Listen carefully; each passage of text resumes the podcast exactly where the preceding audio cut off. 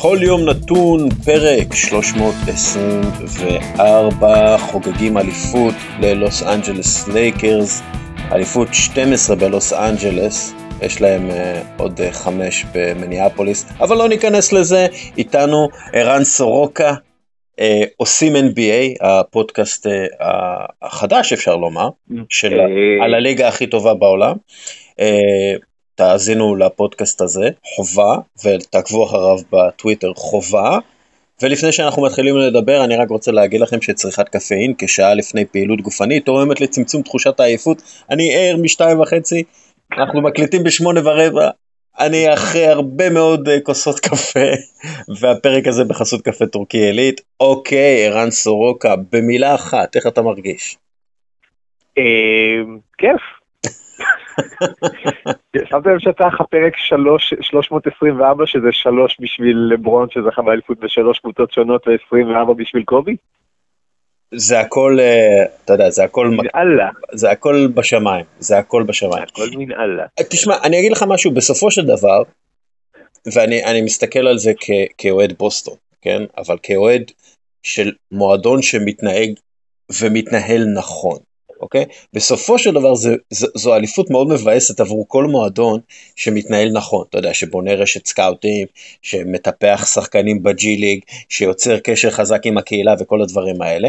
ולמה? כי הלייקרס היו קבוצה הכי גרועה בליגה מאז 2013. כלומר, גם לפיניקס ול, ולסאן, וגם לפיניקס ולסאנס ולניקס אה, היו אה, אה, מאזנים יותר טובים בליגה מאשר ללייקרס, עד שלברון הגיע אליהם. ואז לברון מגיע, ובאינסטנט הם הופכים לאימפריה שוב. עכשיו, אתה יודע, זה לא אליפות, האליפות הזאת עכשיו, זו לא אליפות של ארגון כמו זו של טורונטו רפטורס בשנה שעברה, או של גולדן סטייט ווריירס בשנים האחרונות, אתה יודע, זה קבוצות שנבנו במשך שנים, בחרו בדראפט, מצאו יהלומים לא מלוטשים, ליטשו אותם, שיבצו אותם לצד סופרסטאר, כל הדברים האלה. פשוט זה אליפות אולי באמת אליפות אך ורק אה, שנוצרה אך ורק על ידי אה, כוכב אחד, שהוא גם אה, סוג של בעלים של סוכנות שחקנים, ש, ש, ש, שהלקוחות אה, של הסוכנות הזאת אה, כלו את רוב הנקודות במשחק הגמר. אה, זה באמת אליפות אינסטנט של כוכב אחד שמגדירה את הכוכב הזה בצורה הכי טובה שיש, ואנחנו מדברים כמובן על אה, אה, קלדואל פופ. בוודאי. אה, אני רוצה לפתוח את זה כי אתה אוהד בוסטון. כן. האליפות האחרונה שאני זוכר שהייתה כזאת אליפות אינסטנט, היא אליפות שהושגה בשנת 2007-2008. כאשר אה, קבוצה גדולה בשם בוסטון סלטיקס, במשך שנים בחרה בדראפט, אספה צעירים, איגמה משאבים, אה, פספסה בגדול בהמון המון המון דברים, ואז לקחה את כל הדברים האלה היפים שהיא אגרה וטיפחה וזה, ושלחה אותם לקבוצות אחרות כדי להביא את ריי אלן וקווין גארנט. אה, בסיומה של אותה עונה, בוסטון לקחה אליפות על חשבון הלייקרס. במידה רבה אה, זאת האליפות הכי אינסטנט מאז האליפות הזאת של בוסטון, ההיא. אה, כשגם כאן, אגב, אני, דבר אחד אני, אני מסכים איתך כמובן שזאת אליפות אינסטנט, אני לא מסכים איתך שלייקרס לא עשו במשך שנים עבודה טובה בדראפט, ואני אגיד יותר מזה. הלייקרס רק לקחו אליפות בעצם עד הלילה מאז שדוקטור ג'רי באס הלך לעולמו. ולא בכדי, כמו שאומר הדוקטור. כן. אה, ולא הדוקטור ג'יי, אלא דוקטור איי. אה, עכשיו, הלייקרס במשך שנים בחרו בדראפט מעולה. אה, לאו דווקא במקום השני, גם במקום השני, דיאנג'לו ראסל שהוא בסך הכל כן שחקן עם פוטנציאל all-star וברנדון אינגרם שהיה שחקן משתפר של השנה, ולונזו בול שלדעתי אנחנו נראה אותו משתפר. הלייקרס לקחו סוף סיבוב אה, את לארי ננס, שהוא שחקן מאוד לגיטימי לליגה. הם לקחו סוף סיבוב את קייל קוזמה. הם לקחו בסיבוב שני אה, שחקנים כמו מו וגנר ותומאס בריינט ו... אה, אה, והרבה שחקנים שהם שחקנים טובים מאוד, ובסופו של דבר, וג'וש הארט הגיע אה, גם במקום נמוך יחסית, ובסופו של דבר אה, הם היו, היו להם מספיק בחירות דראפט לשחקנים צעירים וטובים, כך שהם יוכלו להביא את אנטוני דיוויד. כך שגם הדבר הזה, בוא נגיד, אם הלייקרס עדיין היו עכשיו במצב שהם היו ב-2016 או 2015 או 2017, שבאמת אני הסתכלתי הלילה על כמה מהשמות שעברו בלייקרס מאז. כן. אה, שון וויליאמס, דריוס מוריס, זאבייר הנרי, אה, אנדרו גאודלוק, באמת שחקנים שעברו בלייקרס בשבע שמונה שנים האחרונות, שחלקם לא ראויים ללבוש את החולצה, את הגופייה. אבל כן, בשנים, בשנים שלפני לברון, ראית שמתחיל להיבנות איזשהו בסיס. כלומר, אה. היו, היו הרבה שנים של בלאגן, ובסוף לקחו באמת את כל הדברים האלה, ואגב, אני חושב שלברון, שנייה, אני חושב שלברון לא היה מגיע ללוס אנג'לס, אם הוא לא היה יודע שיש את כל הצעירים האלה שאפשר להעביר ולהביא את אנטוני דייוויס. אוקיי, סבבה. לברון לא לוקח סיכונים מחושבים. אוקיי, אני אתווכח איתך על זה, כי קודם כל בוסטון צלטיקס, אה, היה לה את, אה, אתה יודע, הם בחרו את רונדו, והיה להם את פול פירס, והם היו שני שחקנים מאוד חשובים בתוך ה... הקבוצה עוד לפני שהגיעו קווין גארנט וריי אלן, יותר מזה דוק ריברס המאמן היה שם וה general manager היה שם במשך שנים והם בנו איזושהי תרבות מסוימת במשך שנים. ואז באמת בדומה דרך אגב לטורונטו רפטורס הביאו את, את הכוכב או את שני הכוכבים אה, שהעלו אותם אה, לרמת אה, אליפות. אני לא רואה את זה כאינסטנט כמו אה, לברון ג'יימס מחליט ב-2018 להגיע ללייקרס, כנראה הוא מחליט לפני, לא כל כך קשור למה שקורה בלייקרס, לפי דעתי לברון רצה להיות בלייקרס, הוא רצה להיות בלוס אנג'לס, הוא רצה להיות בארגון הזה, אה, כל מה שאתה יודע מדברים, גם ג'ני באס וגם אה, ג'יני באס וגם רוב פלינקה וכל החבר'ה האלה, הם, הם מבינים שנפל עליהם המזל הגדול הזה של לברון ג'יימס. לברון ג'יימס בעונה הראשונה אה, סחב קבוצה בינונית שלא בנויה בכלל לאיכויות שלו, ואז הוא נפצע, נפצע הפציעה הכי קשה שלו בקריירה, קריאת אה, מפסעה, ואז הוא ב-2019 הוא פשוט לוקח את המושכות ואומר, אה, טוב, חבר'ה, הנה הסוכן שלי, ריץ' פול, ובוא בוא, בוא נסדר מחדש את הקבוצה הזאת כדי שתהיה מועמדת לאליפות. ו- והם פירקו את כל, ה- את כל הסגל, השאירו את קייל קוזמה ואת אלכס קרוסו ורונדו, אה, שהגיע ב- לבקשת אה, לברון, ובנו בעצם קבוצה חדשה לחלוטין. אה, גם, גם ג'וול מגיע. אבל הם בונים קבוצה חדשה אה, לחלוטין, כמובן אה, מעיפים את כל מה שנבנה שם מקודם. אה, זה אליפות אינסטנט.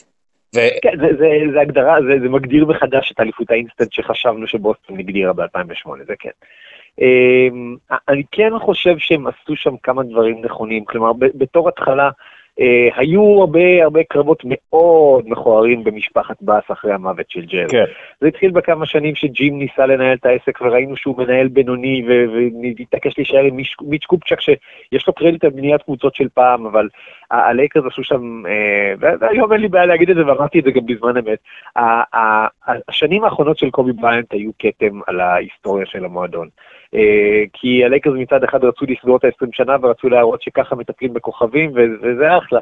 אבל מעשית דרדרו את המועדון הזה אה, לתהומות של אה, אומללות שהוא לא רגיל להיות בה. וזה פגע ולקח הרבה זמן לשקם את זה.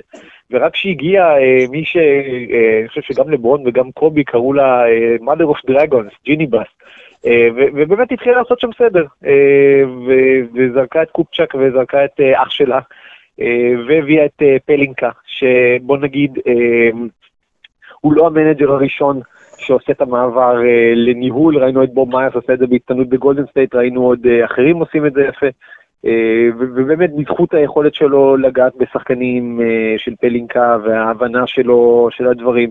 ונכון, הייתה את המינוי של מג'יק ג'ונסון שהוא היה פיגורה, בוא נגיד ככה, הוא היה פיגורה. כש, כשלברון הגיע ללוס אנג'לס, הפגישה הראשונה שלו הייתה עם מג'יק ג'ונסון. ולברון אמר למג'יק ג'ונסון איזה קבוצה הוא רוצה. הוא אמר לו, אני רוצה קבוצה של פליימייקרים שיורידו ממני את העומס כך שאני אוכל לשחק יותר off the ball. והלייקרס בנו קבוצה של פליימייקרים שלא מסוגלים לזרוק מרחוק, ומהר מאוד הבינו שזה אסון, עשו טריידים איומים אה, מג'יק עזב במפתיע בלי לספר לג'ני בס, כן. שהודיע לעיתונאים אני הולך כמו המוכר קסטות והלך. אז, היו שם הרבה רגעים קומיים טראגיים כאלה. אבל בסוף אם אתה מסתכל על לייקרס במתכונתה הנוכחית, אז ג'יני בס היא אשת ניהול טובה, רוב פלינקה זה בן אדם שיודע נפש אה, אה, השחקן ובטח יודע נפש הכוכב. פרנק ווגל, שוב, הוא לא היה הבחירה הראשונה. אה, אני עדיין חושב שאם אתה לוקח אחד על אחד כאיכויות, אז מונטי וויליאמס אה, לא פחות טוב ממנו, ואנחנו רואים אותו עושה עבודה מצוינת בפיניקס השנה. אה, טיירון לו, שוב, יכול להיות שזה היה אולי איזה בקשה של לברון, אני לא חושב שטיירון לו מאמן יותר טוב מפרנק ווגל. וההימור של ווגל, אני, אני שוב, גם כשלקחו את ווגל ואת אה, ליונל הולינס וג'ייסון קיד בתור עוזרים שלו, הדבר הראשון שחשבתי שהלייקרס לקחו צוות אימון מצוין אם היינו בשנת 2013. כן. וכאילו כל מיני שחקנים, אנשים כאלה. באופן כללי, הלייקרס בנו, אין לי, בוא, בוא נגיד, בוא נשים את זה למבחן. הלייקרס בנו קבוצת שאריות. הם, הם לקחו את מה שנשאר, הם בהתחלה לקחו את מה שהם כבר הכירו משנה קודם, כלומר, ב-18 ביוני, אם אני זוכר נכון, 2019, עשו את הטרייד על אנטוני דייוויס, אה, לפני כן זרקו לוושינגטון עוד אה, אה, תומאס בריינט, מו וגנר ואייזק בונגה, נשארו משלושה שחקנים בסגל, לברון, כן. אנטוני דייוויס וקייל קוזמה. אמ, ו... ואחר כך באמת החתימו כמה שחקנים שכבר ידעו ש... שרק הם רוצים אותם, ואז קוואי לנארד משך את הלייקרס באף שבוע, משך את טורונטו באף שבוע, אה, ושתי הקבוצות שהוא משך הגיעו, הסתדרו לא רע בסופו של דבר. אה, טורונטו בעיקר כי היא הסתמכה על מה שקיים, והלייקרס בעיקר כי הם פשוט באו ואספו המון המון המון שחקנים שישחקו עם, עם chip on the shoulder, מה שנקרא, עם אה, קוף על הגב. ורונדו זה שחקן שכבר היה... ושחקנים שלברון רצה לצידו. והוא אישר אותם. בוא, בוא נגיד את זה ככה, קשה להאמין שבעשור הקרוב הלייקרס היו זוכים באליפות ה-17 של הארגון ללא, לברן, ללא, ללא לברון ג'יימס וההשפעה של, אה, שלו וסוכנות השחקנים שלו בבניית הקבוצה הזאת. אה, אבל, אבל בוא, אתה יודע, אוקיי. בוא נסיים את, ה, את הדיון אינסטנט הזה על אליפות אינסטנט. אה, אני, אני אוהד בוסטון מריר אחרי הכל. לברון ג'יימס מסיים פלייאוף שישי בקריירה עם 15, עם, סליחה, 500 פלוס נקודות, 150 פלוס ריבאונדים ו-150 פלוס אסיסטים. מלבד לברון ג'יימס, השחקן היחיד בהיסטוריה שרשם פלייאוף של 150, 150, 500, 150 ו-150 הוא לארי ברד. לברון ג'יימס עשה את זה שש פעמים. כל הליגה כולה בהיסטוריה שלה עשתה את זה פעם אחת עם לארי ברד ב-1987. אני אומר כבר אה, הרבה זמן שלברון ג'יימס אולי הוא לא גדול הכדורסלנים בכל הזמנים, הרי מייקל ג'ורדן הוא גדול יותר ואני חושב שיש הסכמה אה, מלאה על זה, אבל לברון ג'יימס הוא גדול שחקני הפלייאוף בכל הזמנים, והפלייאוף זה הכדורסל הכי טוב והכי קשה שיש בעולם, הפלייאוף של ה-NBA כמובן, לא הפלייאוף של ליגת העל, ו... והוא פשוט מלך הפלייאוף. כל הנתונים מראים שלא היה אה, שחקן כמוהו בעבר, וספק אם אי פעם יהיה שחקן כמוהו בעתיד.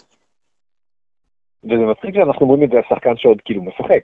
כן. הוא עוד יכול, הוא עוד יכול אה, להגדיל את כל השיאים האלה, הוא השחקן היחיד אי פעם, אם אני זוכר נכון, שהוא בטופ 10 של כל קטגוריה סטטיסטית בפלייאוף. בחלקן הוא כבר מקום ראשון, בחלקן הוא עוד יהיה מקום ראשון, אה, אני לא יודע אם הוא יעבור את מג'יק וימסור 500 אסיסטים, או אם הוא יקלע עוד 40 שלושות בגמרים ויעבור, אה, לא זוכר שמי במקום הראשון, ב... לא, סליחה, זה לא עשיתי שלושות בגמרים, זה לא 300. קיצור, יש לו גם בשלושות עוד לאן להתקדם, יש לו עוד, עוד כמה מקומות לאן להתקדם, אבל הוא, הוא בעיקר המספר הכי מטורף, זה שיש לו כמה, 253 משחקי פלייאוף, חתם 55, 55 משחקים בגמר, הוא עקף את דרק פישר הלילה והפך לשחקן עם הכי הרבה משחקי פלייאוף בקריירה, הוא, הוא, זה עניין של עמידות. ו, ואני חושב ששוב, ג'ורדן נתן דוגמה אישית להמון המון אנשים אה, בקטע של ווינריות ובקטע של אה, אה, לא, לא לפחד, וכמובן כל מה שאנחנו יודעים על מייקל, זה לא פוד על מייקל, אבל לברון נתן דוגמה באיך לנהל את הצמיחה, אה, ואני לא מדבר רק על, על כלכלית, אלא גם בריאותית. כלומר, אני חושב שכבר פורסם המספר הזה שהוא מוציא יותר ממיליון דולר בשנה על הגוף שלו, כן. זה לא בשביל דודורנט יותר טוב, אלא בשביל טיפולים מתקדמים ובשביל לדעת מתי לנוח ובשביל לדעת מתי... אה, אה, מתי לנוח למגרש אפילו, שוב הלייקר... ו- ושיקום, ואיך להשתקם, ומה לאכול, ואיך להתאמן, ו- וכל הדברים האלה. אגב, אחד מהדברים uh, שאפשר היה לראות בסטוריז שלו, אה, באינסטגרם, אה, זה שיש לו ספר של כרים עבדול ג'באר על, על השולחן, על ה coffee table או מה שזה לא יהיה שם. אה, וקרים אבדול ג'אבר היה בעצם, אתה יודע, הסופרסטאר הראשון ש... שהעריך את הקריירה שלו באופן מודע לחלוטין, תוך כדי השקעה מאוד גדולה בגוף שלו, אתה יודע, הוא עשה קונג פו ויוגה וכל הדברים האלה, ולברון ג'יימס סוג של כאילו מנסה ללמוד ממנו ב, בספר הזה, אתה יודע, כי לברון ג'יימס לפי דעתי רוצה לעשות 20 ומשהו שנה בליגה, ואני לא מהמר נגדו. אני חושב שלברון רוצה לשחק עד שהבן שלו יגיע לליגה. אה, נגדיר את זה ככה, שזה יצא פחות או יותר 2024, ו... אבל, שוב, אני לא חושב, אני באמת, גם אני חושב שלברון, אה, הוא יכול לעקוף את קרים, ושיש הרבה הרבה דברים מקבילים בין לברון לקרים, בטח בהשוואה לתרכובת של, של צמד הכוכבים הזה שיש לו עכשיו עם אנטוני דייוויס, אבל אני כן, אה, אני לא רואה את לברון ממשיך לשחק כשהוא כבר לא יהיה שחקן top 10 בליגה. עכשיו, אני לא יודע אם, אם לברון אי פעם יפסיק להיות שחקן top 10 בליגה. כן. אבל אנחנו כבר ראינו אותו, אה, כבר השנה, הוא לא, הוא, הוא, אמר את זה יפה אחרי המשחק שלברון בן ה-35 היה מפרק את לברון בן ה-27. יכול להיות שהוא היה מפרק אותו בדרך אחרת, אבל אני חושב שמבחינה אה, אתלטית, אה, מבחינת בוא נקרא לזה יכולת אה, לשלוט במשחק אבסולוטי במשך 48 דקות או 42 דקות או משהו כזה, לברון של פעם היה יותר טוב. ולברון של עכשיו עושה את זה אה, באמצעים אחרים, כלומר הוא עושה את זה הרבה במסירה, והוא עושה את זה הרבה בהגנה, ורונדו, בואו נדבר רגע על רונדו, כי, כי הוא פחות או יותר אחד השרידים היחידים לזה שכשהלייקרס רצו לעשות קבוצת פליימייקרים, אז הביאו את רונדו, הוא אחת ההחתמות הראשונות, והרבה אוהדי לייקרס הרימו גבה, כי הבן אדם אין לו קליעה לשלוש כמובן, אז כמה עושה הפלייאוף הזה? 40 אחוז לשלוש? יותר מ-40 אחוז לשלוש לדעתי. אה, ובדקות שלברון היה על המגרש יחד עם רונדו, אז לברון פחות או יותר נח על המגרש בהתקפה. כלומר, רונדו היה שחקן אחד היחידים שלברון יכל לסמוך על קבלת ההחלטות שלו, כן. שלפעמים קבלת ההחלטות של רונדו הייתה לא פחות טובה אפילו מזו של לברון. ואני חושב שהדבר הזה הוא משהו שלא מספיק מדברים עליו, אבל כמה זה עזר ללברון כן להשתלט על משחקים כשהיה אפשר. כי אנחנו זוכרים את הקבוצות של לברון בקליבלנד כשהיה צריך לעשות הכל, ברגע שהוא היה יורד הכל היה מתפרק. כן. בקבוצה הזאת של הלייקרס, כמו שעון, בערך בחמש וחצי דקות, שש דקות לסיום הרבע הראשון, לברון היה יורד, נח ארבע דקות, רונדו היה יחד עם קוזמה, ובדקות האלה הלייקרס כמעט אף פעם לא נפלו מאחור, הרבה פעמים דווקא הגדילו את הפער כשרונדו היה על הפרקט, כך שמבחינה הזאת, באמת, זה, זה משהו שעזר ללברון להתגבר על זה שהוא כבר אוטוטו בן 36, ולהתגבר על זה שהוא כבר לא אפריקה אתלטי שהיה פעם, אבל הוא באמת תרם בדברים אחרים, והוא ידע אה, אה, לעלות על ג'מאל מורה כשהיה צריך, הוא ידע לעלות על ג'ימי באטלר כשהיה צריך, הוא ידע באמת לתת את ה... גם משחק חמש, ושוב, מבחינת הלגאסי של לברון, יכול להיות שהסידה הייתה צריכה להסתיים במשחק חמש עם אסיסט לשלושה של דני גרין, וזה היה כאילו יותר הולם. אבל גם מה שהוא עשה הלילה במשחק שכאילו היה בו הרבה פחות מתח, אה, היה מאוד מאוד מרשים. כמובן, אה, הוא הצליח בשלב מסוים שאני חושב במחצית הראשונה, היו שלושה שחקנים של הלקרס שכלו יותר ממנו ועדיין היה ברור כאילו מי השחקן הכי טוב על הפרקט, כי הוא כל כך, הוא עושה כל כך הרבה דברים, הגנתי, התקפי, הוא סיפר למר דה רוזן, בפודקאסט, לא אני חושב, אולי של ג'יי ג'יי רדיק, אה, או של מישהו אחר, שהיה משחק של טורונטו, בימיו בטורונטו נגד לברון, שהיה בקליבלנד, ושחקן של טורונטו לא זכר את התרגיל, ואז לברון אמר לו, כאילו, מה התרגיל שהקבוצה שלו צריכה לעשות? כן, כן. אז לברון היום הוא מבין את המשחק אה, בצורה, ברמה הכי גבוהה בליגה, ברמה הכי גבוהה שאפשר בכלל לבקש. כן. הוא, הוא, אנחנו זוכרים אותו מתאר איזשהו מהלך שאמרו לו אתה יכול לשחזר את זה, ואז הוא, ואז הוא כאילו תיאר את כל המהלך בפרוטרוט. אני חושב שהוא יכל לתאר פחות או יותר את כל העונה של הלייקרס מהלך אחרי מהלך. כי הוא, הוא באמת, אני חושב שאנחנו צריכים להעריץ על כמה שהבן אדם הזה, ראינו את מייקל עובר ל fadeaways בימיו הוותיקים יותר, ראינו את קובי מפתח אה, סוג אחר של זריקה והופך לשחקן יותר קבוצתי. המהפך שלברון עשה ל full מג'יק ג'ונסון, פחות או יותר, זה מדהים. כן. זה מדהים, ולהוביל את הליגה באסיסטים בגיל 35, ו- זה ו- הדבר שמבחינתי הכי... יותר מזה, בפלייאוף הזה הוא uh, קולע uh, כמעט 30 נקודות למשחק, והוא מייצר עם האסיסטים שלו כמעט 25 נקודות למשחק. שזה מדהים. שתחשוב כמה נקודות, כלומר, הוא, הוא, שחק, הוא לבדו מייצר כמעט 100 נקודות uh, במשחק, זה, זה, זה לא נתפס הרמה הזאת של השליטה במשחק ו, ו, והלמידה תוך כדי המשחק והיצירת uh, מצבים לחברים לקבוצה זה באמת uh, סופר מרשים. Um, עוד שאלה.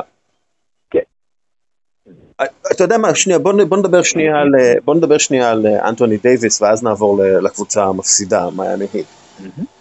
אנטוני דייוויס, אה, לא סדרת גמר מבריקה, אבל עדיין אה, 25 נקודות למשחק ב, ב, בסדרה, ו, ואיך אתה היית מסכם את האליפות הראשונה שלו בלייקרס? כי, כי יהיו לו עוד.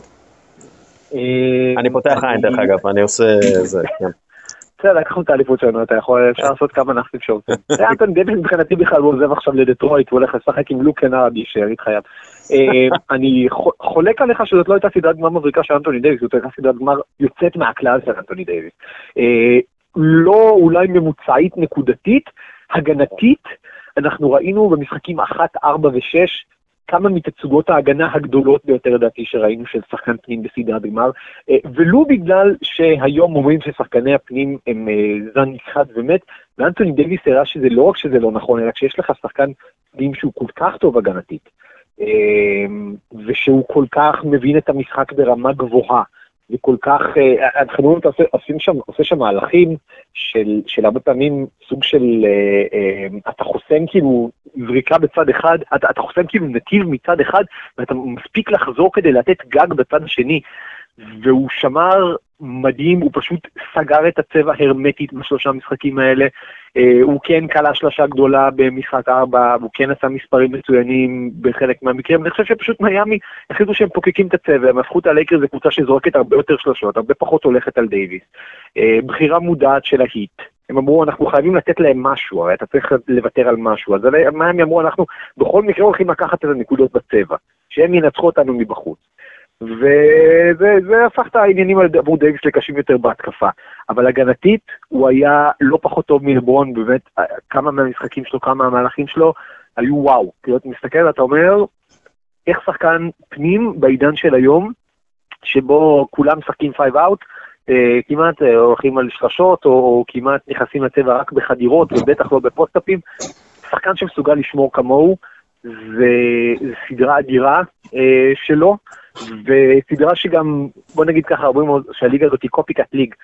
אה, היום אנטוני דייוויס כתב את הספר על איך גבוה מודרני צריך לשמור בסדרת גמר. נכון, ועדיין, זה, אוקיי, אתה יודע מה, לא עדיין, אה, אנטוני דייוויס הוא העתיד של המשחק. כי אה, כולם מדברים על זה שה small ball הוא מנצח וה small ball הוא העתיד וכל הדברים האלה, אבל אם יש לך גבוה כזה שיודע לשחק כדורסל כמו גארד, וה origin story שלו הוא בעצם, אתה יודע, הוא, הוא התחיל כגארד ו, והוא הפך לסנטר בגלל שהוא תפס אה, קפיצת גובה מטורפת.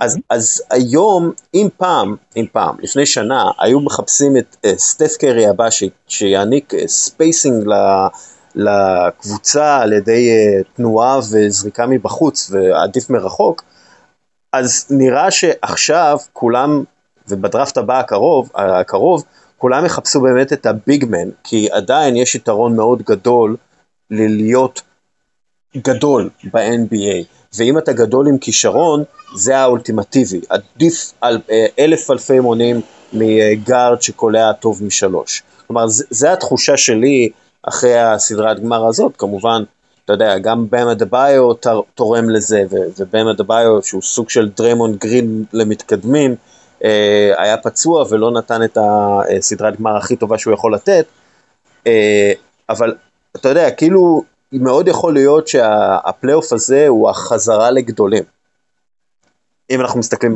קדימה. זה גדולים מסוג מאוד ספציפי, כלומר אה, זה, זה לא שאתה לוקח, אני חושב שזה, אבל שוב, זה משהו שכבר קורה בשנים האחרונות, שאתה רואה שהליגה הזאת היא, היא הולכת הרחק מגבוהים אה, אה, מה שנקרא קלאסים, מה שאני קורא ההיברטוזאוס רקס, על שם רוי היברט שפרנק בוגי לימד כן. באינדיאנה.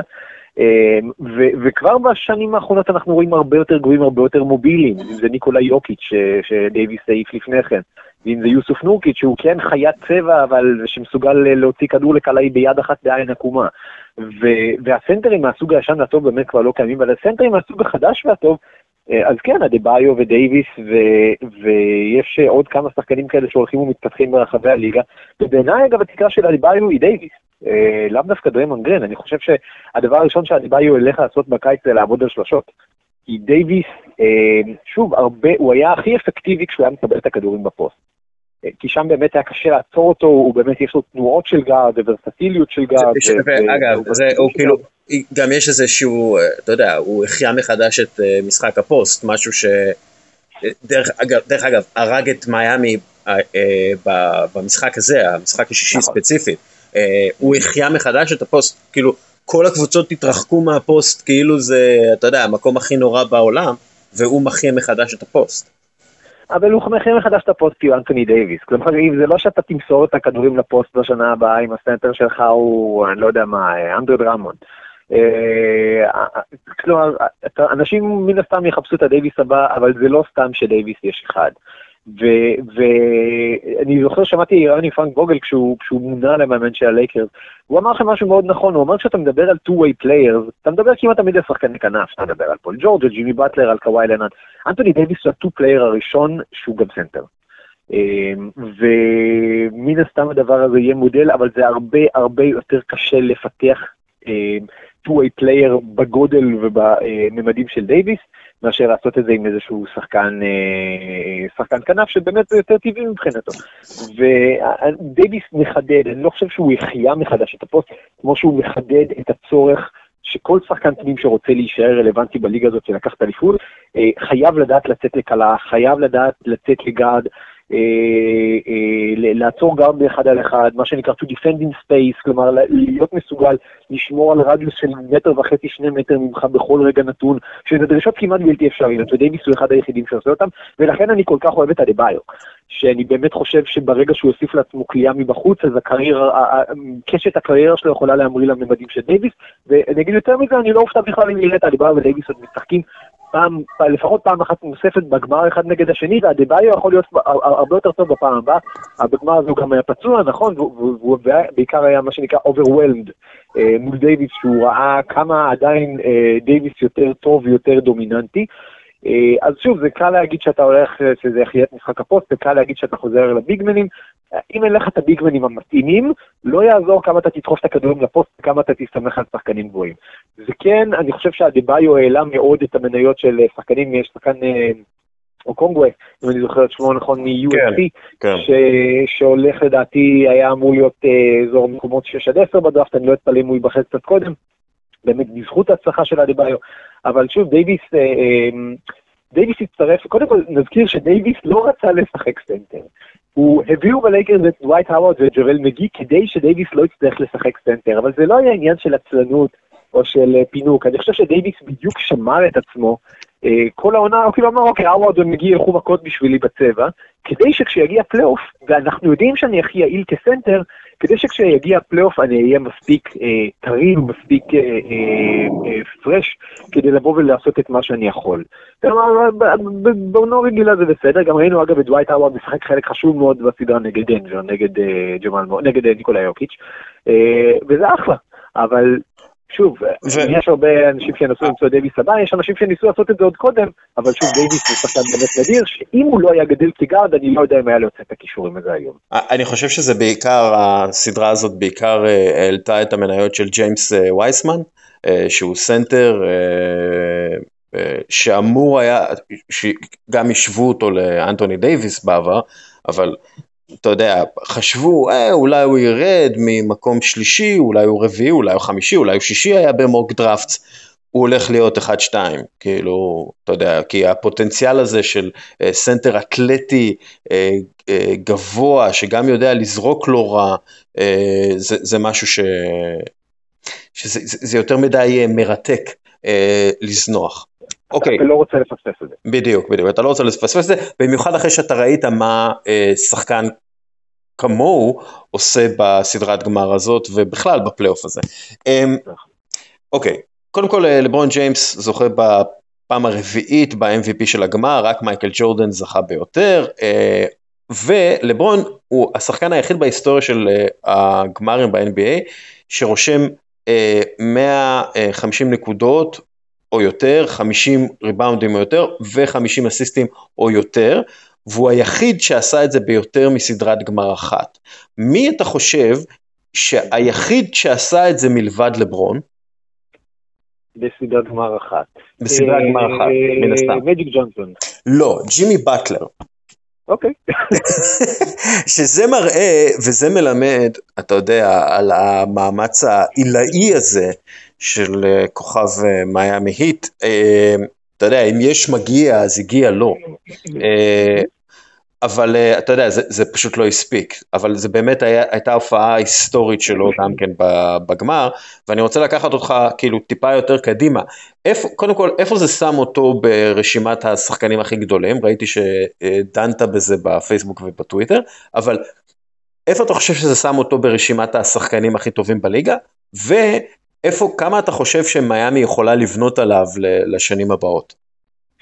קודם כל אה, נזכיר, גם באטלר הוא לא איזה צעיר שבא משום מקום, הוא בן 31. כן. אה, כן. אני לא חושב שיש לו, ברמת האינטנסיביות, קודם כל הוא, הוא באמת היה אצל טיבודו, שזה בתחילת הקריירה שכל שנה אצל טיבודו שווה לשלוש שנים זה והוא בן אנוש אחר. אה, וגם במיאמי, שוב, הוא, הוא, הוא שחקן עם מוסר עבודה מטורף, הוא סיפור מטורף. והוא שחקן נפלא, ואני חושב שבעונה הבאה אף אף בן אדם שעושה רשימת טופ 10 לא ישים אותו יותר נמוך מהמקום העשירי. כי הדבר הכי מדהים בעיניי בבטלר זה שלא חשבנו ששחקן כמו באטלר, ושוב, אף אחד לא חשב שג'ימי באטלר הוא לא שחקן טוב. אף אחד לא חשב שג'ימי באטלר יכול ללכת mano a mano עם, עם, עם ליברון ג'יימס ולנצח אותו. כן. ואת זה הוא עשה פעמיים בסדרה הזאת. עם, עם הופעות היסטוריות, כן? כלומר, עם, עם דברים ש, ש, שלא ראו, אתה יודע, אולי יהיו עשרה שחקנים בהיסטוריה שהיו יכולים לעשות דברים אה, שהוא עשה. נכון. אה, ואני חושב שמיאמי, אה, נגיד את זה בצורה שאולי קצת, אה, אני לא יודע אם תבאס, אבל לפחות תעודד אוהדי מיאמי. למיאמי יש עתיד הרבה יותר ורוד מאשר ללייקרס. ללייקרס יכול להיות ששוב הם יקחו עוד אולי אליפות או שתיים, או לא יודע, שלוש, אני קשה להאמין שיקחו יותר משתיים. מיאמי, עכשיו אם אתה מסתכל על זה, הדיבר בשנה שלישית, דנקן רובינסון בסוג של שנה ראשונה פלוס. הירו ודנקה וקנדריק נאן בשנה הראשונה. אומרת, לא חסר להם הרבה בשביל לחזור לשם. ו... וכדי לחזור לשם, אני חושב שהמון מהשיפור שהולך להיות אצלם זה שיפור פנימי. שיפור של אדה ביו ש... שילמד אה, לקלוע שלושות, ושיפור של רובינסון ש... שראינו אותו כבר מצליח לעשות יותר בהגנה ממה שאנחנו רואים את הכלים הפיזיים שלו. ונאן שיפגין יותר יציבות, ו... ודרגיץ' שאמור לחזור, באמת לחזור מהפציעה וכבר להיות יותר טוב. אז, אז שוב, יש למיאמי שלד נהדר לבנות סביבו, כי הירו ונאן זה מובילי כדור, אה, ואדה ביו זה, זה גבוה ורסטילי, ורובינסון זה צלף שיכול, באמת נתן שם הצגות של ריאלם.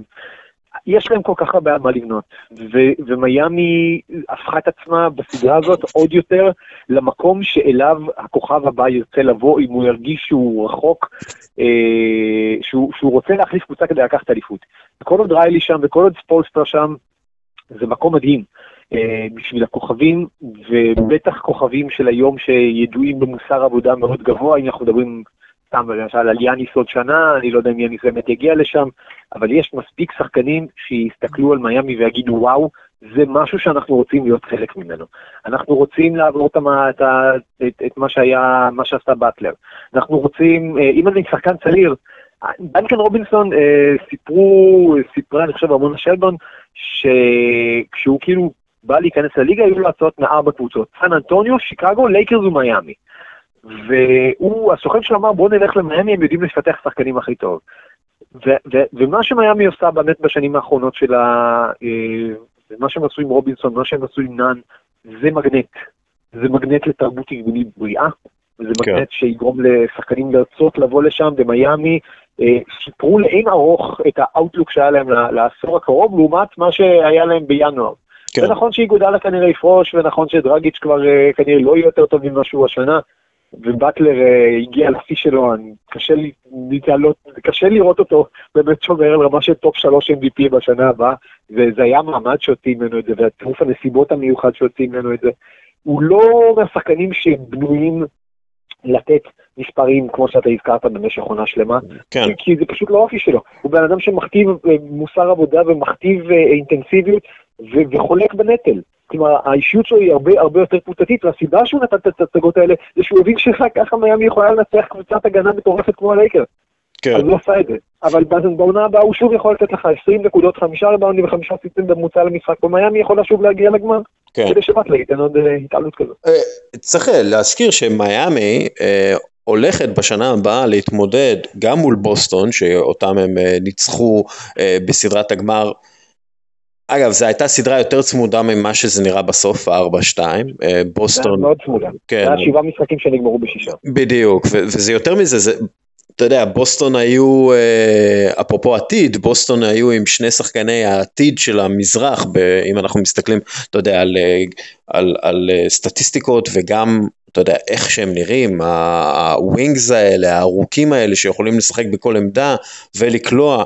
אה, אבל uh, enough about that, um, אז מיאמי ובוסטון יש, ושנה הבאה אני מתאר לעצמי שטורונטו תישאר קבוצה חזקה, אני מתאר לעצמי שברוקלין תהיה קבוצה uh, מעניינת מאוד, אני מתאר לעצמי שפילדלפיה לא תהיה הכלום שהיא הייתה בפלייאוף הזה, uh, ומילווקי, אנחנו עדיין לא יודעים מה יקרה עם יאניס, אני מתאר לעצמי שהוא יישאר שם לפחות עוד שנה, ומילווקי, אתה יודע, לא אמרה את המילה האחרונה שלה.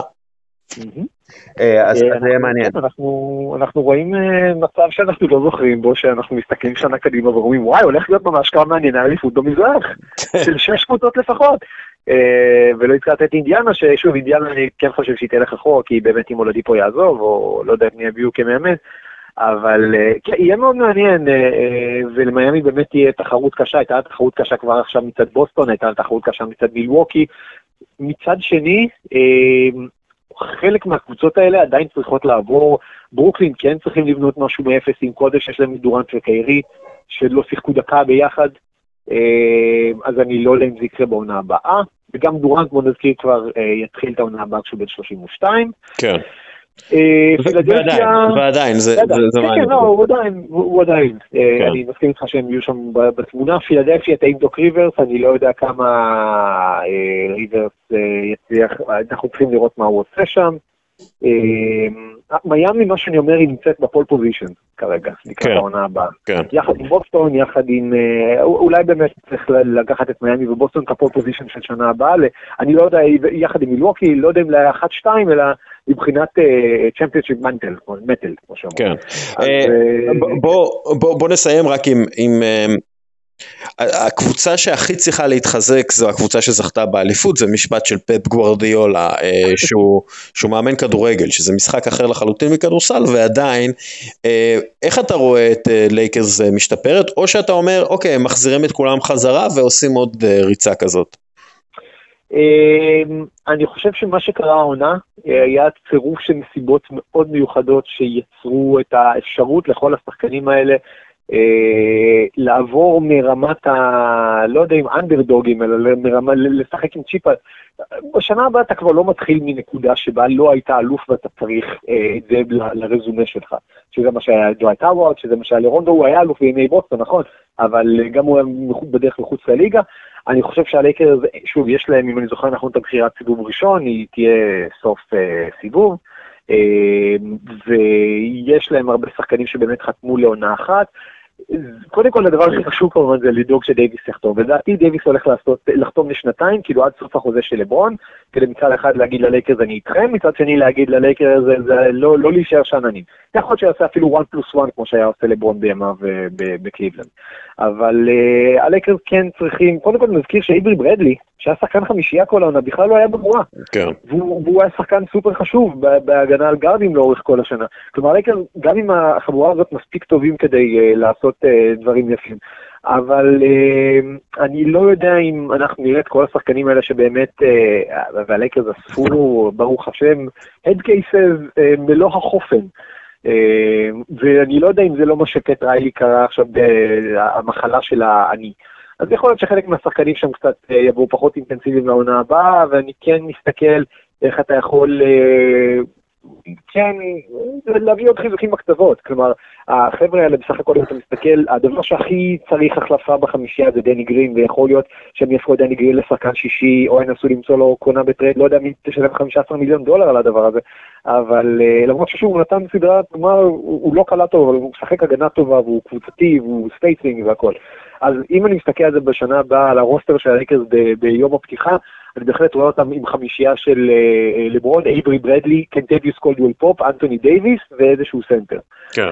ויצטרכו להעמיק עוד אתה יודע, בכל מיני אתרים מדברים על ויקטור אולדיפו שאולי יגיע, או זאק לוין שאולי יגיע, ויש דיבורים... אין כסף, מאיפה הכסף? לא, אתה יודע... לברון ודייוויס לבד מרוויחים 900 מיליון דולר. מוותרים על דני גרין, מוותרים על קייל קוזמה, ועוד כמה שחקנים בשביל זה, אתה יודע, ואז מביאים את המינימום... אני חושב שהקבוצה השנייה תרצה, כאילו, לקחת אותם. מי רוצה לקחת את דני גרין? אה, לא, אתה יודע, אם אני מסתכל סתם על בולס, הבולס רוצים להיבנות מחדש, זאק לוין זה לא בדיוק הכוכב שאתה רוצה לבנות סביבו, אז אתה מביא את דני גרין כ expiring, ואתה לוקח את קייל קוזמה שהוא שחקן, אה, אתה יודע, אה, צעיר ומבטיח, ועוד איזה בחירת דראפט אם נשארה ללייקרס, ואז אתה כאילו מוותר. אני אומר שיש אפשרויות. כן, יש אפשרויות. טוב. הם ינסו לבדוק, משהו אחד, הם ינסו לבדוק את העניין בגרין. אם הם יריחו הזדמנות, אני מאמין שהם ילכו עליה. עדיין, אה, מבחינתי, אני חושב שה... שאני, אם הייתי צריך להמר אם יצטרף אליהם עכשיו כוכב גדול נוסף, כאילו ל Big Three בשנה הבאה, הייתי חושב שלא. אבל אם כן יתחזקו, באיזושהי צורה. אוקיי, אה, אז ככה, תגיד לי, אני עשיתי מאונט ראשמור אה, שלי. לשחקנים הכי גדולים בכל הזמנים, אתה יודע, סתם כדי לסיים את הפרק הזה בצורה אה, שהיא לא trading. אה, חגיגית. כן, חגיגית. אז ככה, המאונט ראשמור שלי, וזה ארבעת, אה, ששת השחקנים הכי טובים בכל הזמנים והכי משפיעים בכל הזמנים. קרל מלון אולי קלה הרבה נקודות, אבל הוא לא בין הששת הכי טובים בכל הזמנים. אז סליחה, שרון דוידוביץ'. מייקל ולברון בטוח שם, אוקיי? כאילו זה הם, הם, זה. קרים ביל ראסל. זה כאילו המאונט ראשמור המקורי, אתה יודע, ארבעה נשיאים, ואז אני שם את מג'יק ולארי שבעצם אה, הצילו את הליגה. אה, ואני, ואני חושב שהם צריכים אולי אפילו לחבר בין הראש של מג'יק ולארי ואז יהיו חמישה ראשים וראש ממש מעוות של לארי ברד ומג'יק ג'ונסון. אתה היית שם מישהו אחר במאונט ראשמור הזה? אה, אולי את מג'יק במקום קרים. אה, אולי באמת הייתי מחבר את הראש של מג'יק ולארי גם כדי ליצור אה, שוויון בין לייקרים לסלטיקים אה, בשלב כלשהו של חייהם. ועל מאונט רשמו, כי אני מרגיש שהסלטיקס ראויים ליותר מנציג אחד. שוב, שום דבר נגד קרים, אני חושב שכשאתה מסתכל בסופו של דבר על השפעה על הליגה, אז מג'יק ולארי לפני קרים. קרים נתן את רוב העונות המעולות שלו בשנים, וזה בשנתו, בשנים הכי מחורבנות של ה-NBA מבחינת אמיתית. כלומר, זה מסוג הדברים של אם עץ ביער אה, נופל ואף אחד לא שומע אם הוא באמת נפל, ואף אחד לא רואה, או מה שזה לא היה, אז קרים לקח את האליפות שלו בשנות ה-70, כשהליגה הייתה ליגה של אה, אלכוהוליסטים מכורים לקוקאין, אה, ואחר כך הוא לקח את האליפות ב Showtime של הלייקרס, שמזוהים, אני חושב עדיין קודם כל יותר עם מג'יק. כלומר, ברמה התדמיתית, אה, אני חושב שבואו נחבר את הראש של מג'יק ולארי, נכניס אותו במקום קרים, נבקש מקרים יפה סליחה. אה, אולי נשים את קרים, נפצל לו את הראש יחד עם ביל ראסל או משהו, נעשה מאונט ראשמור ממש מכוער, אבל ניתן בו מקום להרבה שחקנים. אה, שוב, ראסל הוא כבודו במקום מונח, גם קרים כמובן. אני עדיין חושב שמייקל לברון וראסל שם, ולגבי הרביעי, בואו נלך על חצי פרצוף מג'יק, חצי פרצוף לארי. טוב, בגלל שאתה אוהד לייקרס, אני אתן לך את המילים האחרונות בפודקאסט. יש אליפות. We did it, we did it for Kobe.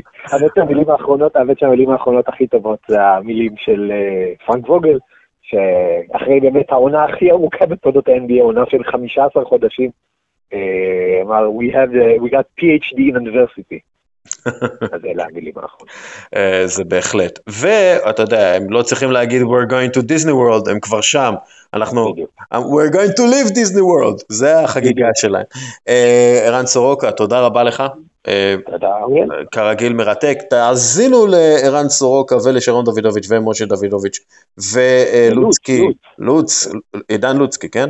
אה, בעושים NBA, אנחנו נתייג אותם, והם אה, אחד מהפודקאסטים אה, האהובים עליי בכל, בכל מה שקשור ל-NBA ו- ו- וכולי, אז תאזינו להם, תעקבו אחרי ערן בפייסבוק ובטוויטר, ותודה רבה לך ערן, תודה רבה ללשכת המסחר הודו ישראל על החסות לפירוט הפרק, תודה רבה לקפה טורקי עילית שבזכותו אני חי כרגע ויכול לדבר, ותודה רבה לך מאזין יקר שנשאר עד הסוף, יאללה ביי ו go Celtics.